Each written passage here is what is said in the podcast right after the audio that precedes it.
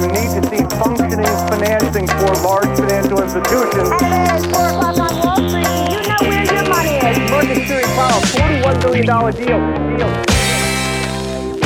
Då är det dags för ett nytt avsnitt av investerarens podcast. När det här spelas in har det hunnit bli den 7 november. Och det innebär också att vi har lämnat skräcktober till handlingarna. Facit blev magra 3,7% ner för OMXS30 varpå det också blev den fjärde negativa månaden på raken. Men det kan alltid vara värre. I fjol såg vi negativa börsmånader under perioden januari till och med juni, vilket var rätt deppigt. Sen fick vi en trevlig julimånad. Eh, inte minst där också Carnegie Real Estate Index faktiskt steg nästan 34 procent på en månad. Och det som där hände var ju att marknaden trodde att eh, räntorna skulle börja ticka på lite grann neråt, att vi hade sett räntetoppen där. Sen blev man ju ganska snabbt eh, besviken.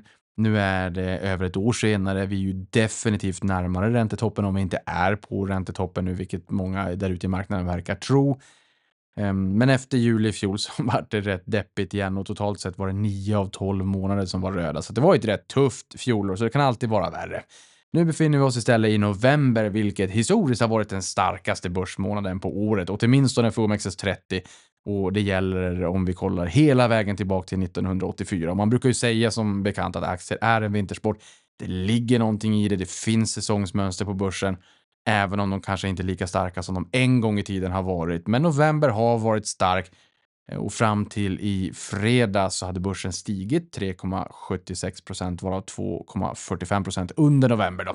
För vi hade ju 30 och 31 oktober Eh, i början av, av veckan. Men det har blivit en, en trevlig smakstart för november månad där vi också har sett att eh, marknaden lite mera kanske har diskonterat att vi kan vara nära räntetoppen. Och nu har vi också haft en hel del räntebesked från Fed och ECB och Bank of England och Norges Bank som har lämnat sina styrräntor oförändrade och dessutom har jag sett att centralbanker runt om i världen nu sänker sina styrräntor i den snabbaste takten sedan augusti 2020.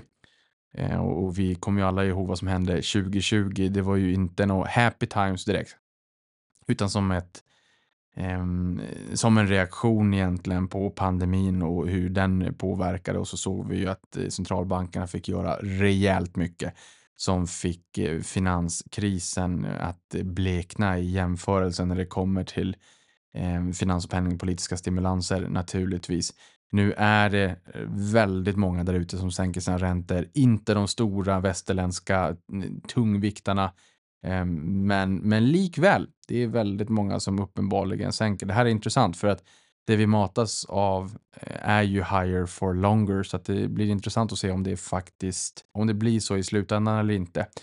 Eh, och vad vi kunde se förra veckan också var ju att en del blankare täckte sina korta positioner eh, Eh, rimligtvis ska sägas med tanke på den, eh, den trevliga vinden vi fick i seglen och det är risk on sentimentet. Korgen av de 15 mest blankade aktierna i Sverige steg nämligen 8,39% under veckan. Mest steg SBB med 20,07% följt av Truecaller på 18,55 och Viaplay på 18.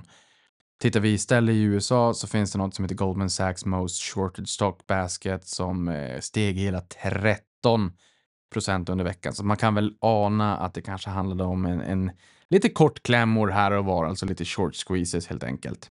Sen har vi ju bolagens återköp som också är en rätt intressant detalj här tycker jag har rasat till sju års lägsta globalt enligt Barchart.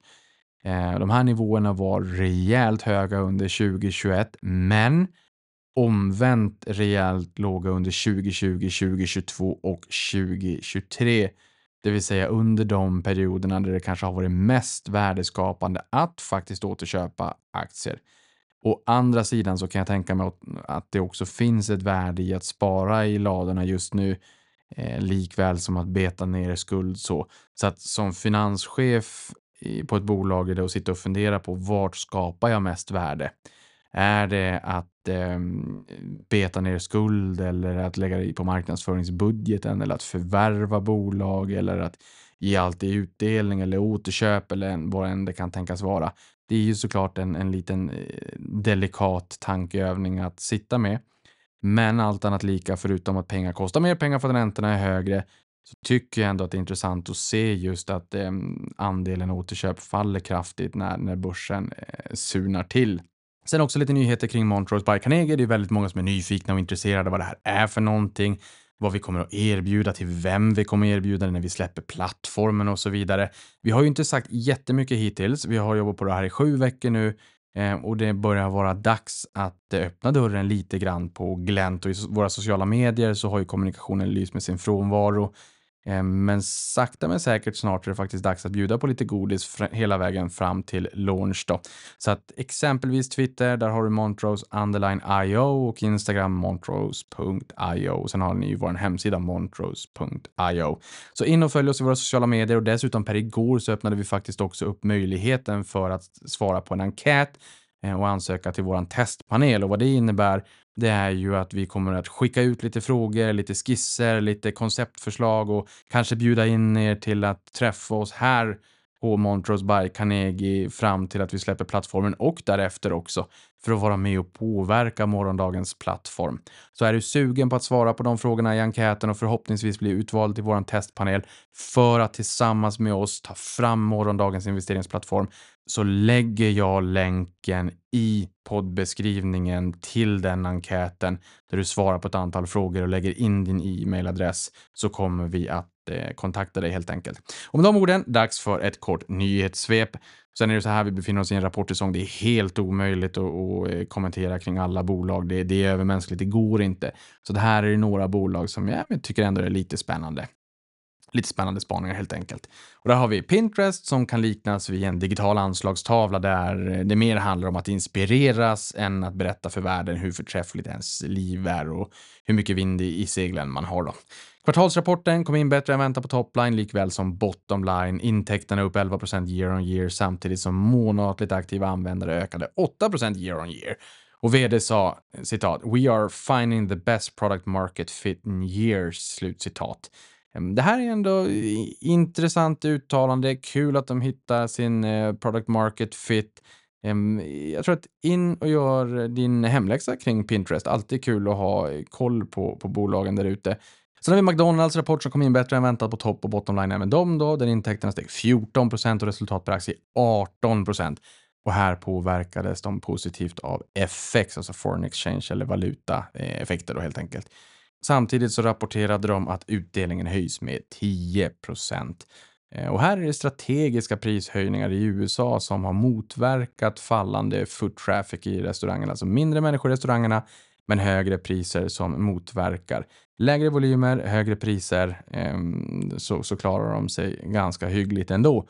Och det är faktiskt så att snabbmatskedjan ökade marknadsandelen bland medel och höginkomsttagare som substituerade från dyrare alternativ. Och jag tycker att det här är intressant och jag förstår det också i tuffare tider. Det är klart att eh, är du medel eller höginkomsttagare, ja, men du har ofta en kostnadskostym kanske som är lite större. Du har lite dyrare boende, du har lite dyrare vana, du har lite dyrare bil eh, etc. Om man nu ska generalisera.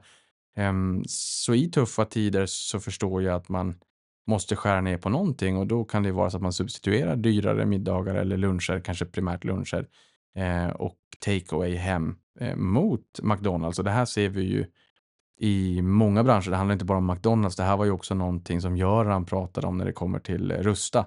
Att man köper en del billigare saker där för att kunna ha lite pengar för att köpa och unna sig lite dyrare saker. Så att man köper en kombination av lite billigare och lite dyrare, men det här i, i mitten får ta eh, lite stryk helt enkelt. Jag tror att många av oss kan känna igen oss i det. Sen har vi Storytel som har haft det tufft på börsen, minst sagt. Från toppen i juli 2020 så har aktien tappat 92,9 procent som mest fram till den 23 oktober i år, så det är ju verkligen, verkligen nutid.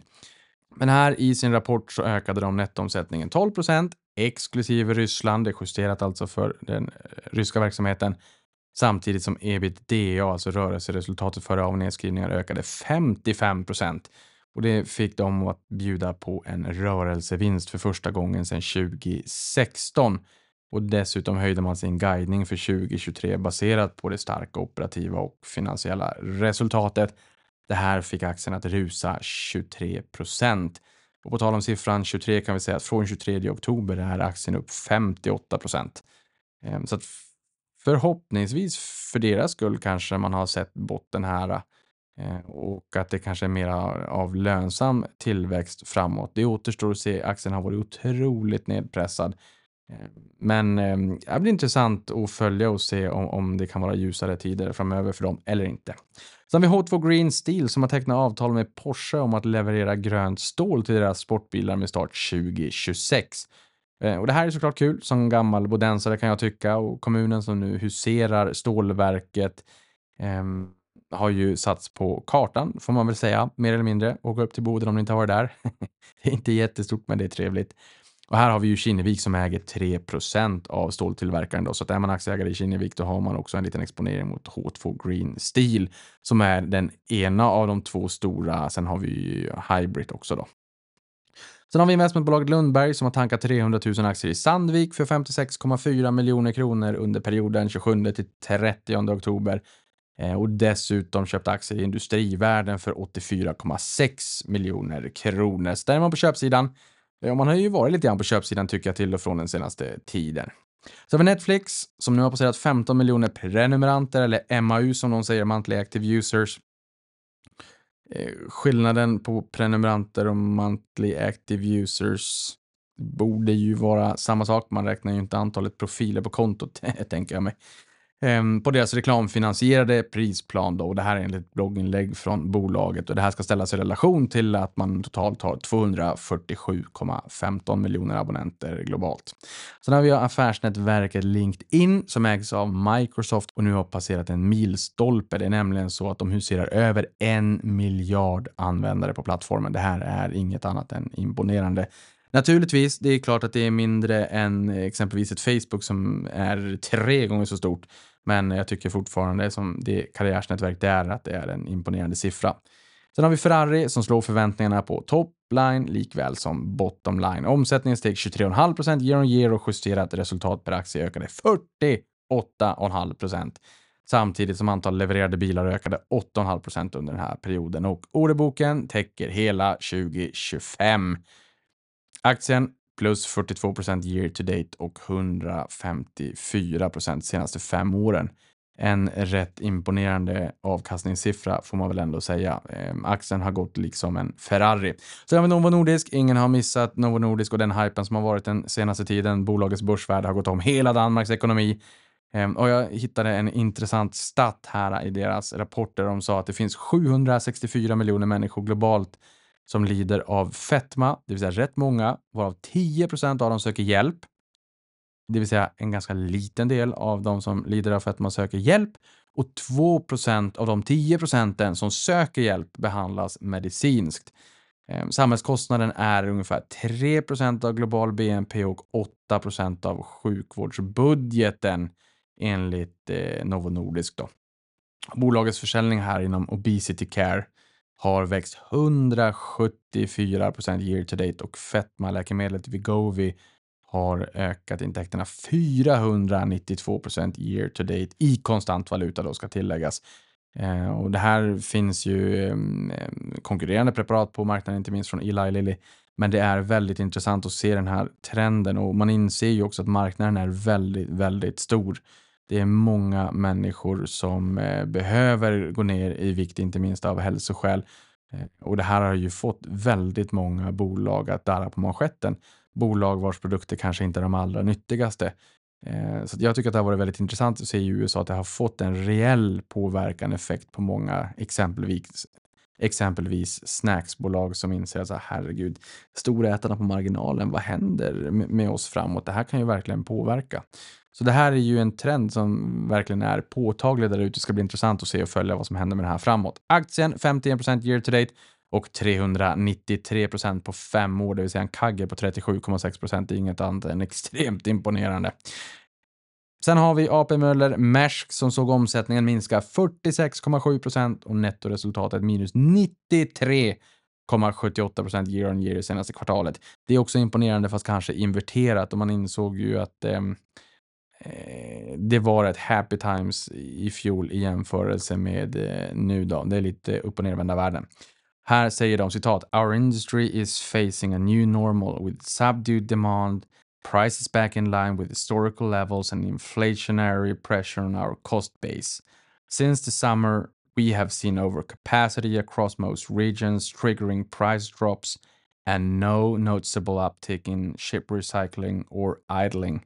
Slutcitat. Så ganska jobbigt för dem. Det är eh, en verksamhet som jag tänker mig är lite cyklisk och här inser vi att det var, har varit väldigt cykliskt. Och med de orden, stort tack för mig. Hoppas på en trevlig vecka så hörs vi igen nästa vecka. Stort tack för att du lyssnade på det här.